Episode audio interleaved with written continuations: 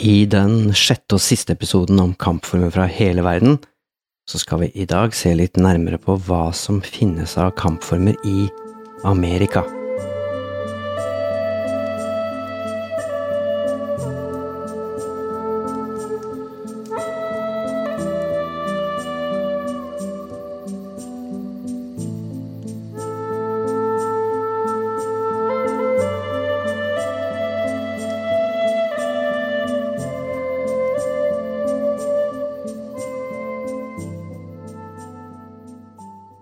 Jeg heter Arne Midtlund, og du hører på Judomania, som er en podkast om judo, kampsport og selvforsvar, og i denne podkasten fokuserer jeg på historikk, kultur og kjente og ukjente personer.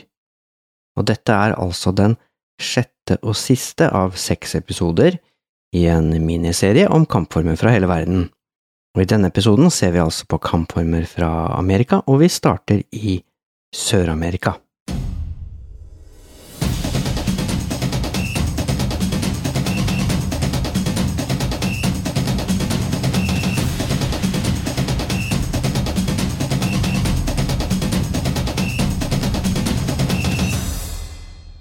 Du som hørte på den forrige episoden der jeg tok for meg noen kampformer fra Afrika, husker kanskje at jeg snakket om noen kampformer som ble med slaveskipene over Atlanterhavet i den transatlantiske slavehandelen, eller trekanthandelen, og den aller mest kjente av disse kampformene fikk navnet capoeira.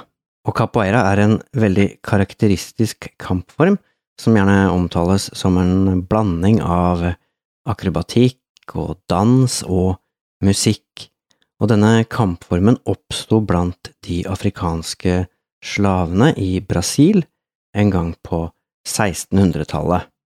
Det er ikke vanskelig å kjenne igjen capoeira, det er lett gjenkjennelig ikke minst på grunn av de flytende, gyngende og elegante bevegelsene. Musikken og dansen og akrobatikken skulle opprinnelig skjule at slavene egentlig trente på kampformer. Da slavehandelen ble forbudt, ble også capoeira forbudt av de brasilianske myndighetene, og på 1800-tallet er det faktisk flere rapporter om tidligere slaver som ble arrestert fordi de praktiserte capoeira. Men kunnskapen om capoeira ble holdt ved like, kan vi si, og på 1920-tallet så gjenoppsto kampformen, og gjerne blanda da med elementer fra andre kampformer som judo, som ganske tidlig kom til Sør-Amerika. Men fortsatt så var det straffbart å drive med capoeira, i alle fall offentlig, og det forbudet varte helt til 1940. I våre dager så er jo capoeira noe Brasil og brasilianere er stolte av. I våre dager så regnes capoeira som såpass viktig at kampformen faktisk ble en del av Unescos verdensarvliste i 2014.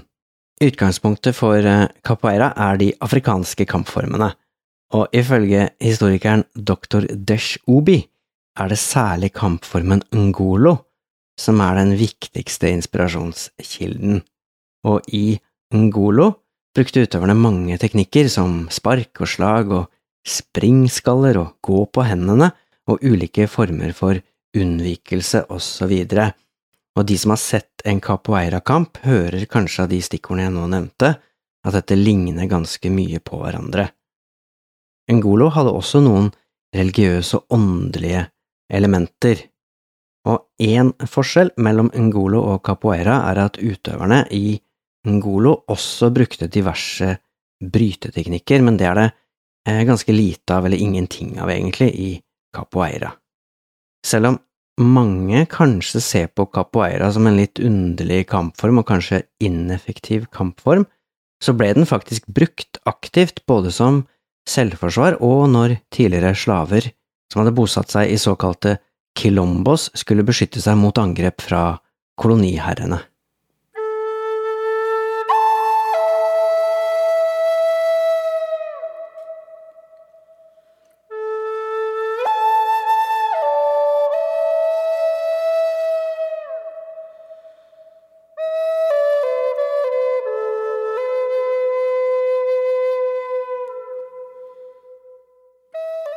Da jeg starta med forberedelsene til denne episoden, så tenkte jeg at det kom til å være enkelt å finne informasjon om nordamerikanske kampformer. Den amerikanske urbefolkningen må jo ha vært involvert i massevis av kamper, både mot hverandre og mot europeerne, som stadig flyttet nærmere og nærmere og fortrengte de eh, opprinnelige innbyggerne eh, lenger og lenger unna sine, sine leveområder. Men der tok jeg feil. Det er veldig vanskelig å finne noe som helst informasjon om kampformer fra Nord-Amerika. Det som oftest dukker opp, er informasjon om en kampform som kalles okichita. Men dette er egentlig en hybrid kampform som er satt sammen i moderne tid.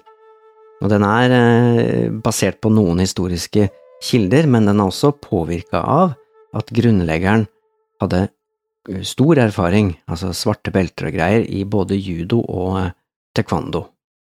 Selv om jeg vanligvis ikke bruker Reddit som kilde, så tenkte jeg denne gangen at kanskje det er noen diskusjoner der, kanskje jeg kan finne noe inspirasjon, kanskje det er noe å hente.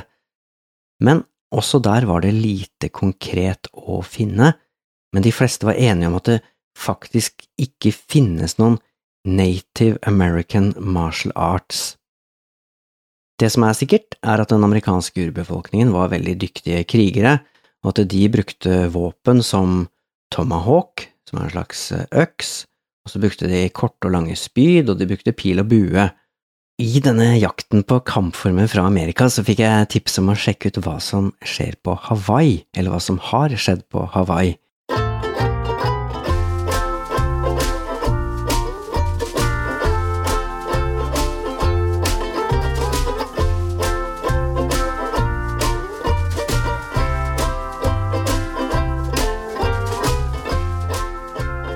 Og på Hawaii så finner vi kampformen kapu ku-ialua. Kapu ku-ialua, eller lua som kampformen ofte blir kalt, er en gammel kampform som inneholder nærkampelementer som bend på armer og ben, kast, trykk på punkter på kroppen, slag og bruk av eksotiske våpen som padleårer og haitenner, ulike strategier for kamp i åpent terreng og mer sånne nærkampteknikker som jeg nettopp eh, nevnte, og da europeerne kom til Hawaii og introduserte våpen, så ble det også tatt opp i kampformen. Som vanlig i disse gamle bryte- og kampformene, så var det også her vanlig å bruke olje på kroppen, slik at det skulle være vanskelig for motstanderen å feste grep, og på Hawaii så brukte man selvsagt kokosnøttolje. Opprinnelig ble denne kampformen, lua, innført til eh, øygruppa Hawaii da folk fra Tahiti koloniserte Hawaii på begynnelsen av 1300-tallet, og ifølge Black Belt Magazine så var det Koa-krigerne fra Tahiti som hadde utviklet selve kampformen. Ordet ku ialua betyr eh, direkte oversatt til norsk to treff, og dette ordet brukes også om guden for denne kampsporten. Og i utgangspunktet så var det bare de adelige, ali-i, som fikk trene lua, og ordet kapu, som er det første ordet i hele tittelen på kampformen, den heter jo kapu kuialua, lua. Kapu betyr rett og slett forbudt, derfor var det bare de profesjonelle krigerne, gardister og medlemmer av kongefamiliene som egentlig fikk lov til å drive med lua. Men i urolige tider så måtte kunnskapene spres også til såkalt vanlige folk, og de eh, kalles for maka ainana, og da ble det gitt instruksjoner til de mest grunnleggende bevegelsene i kampformen.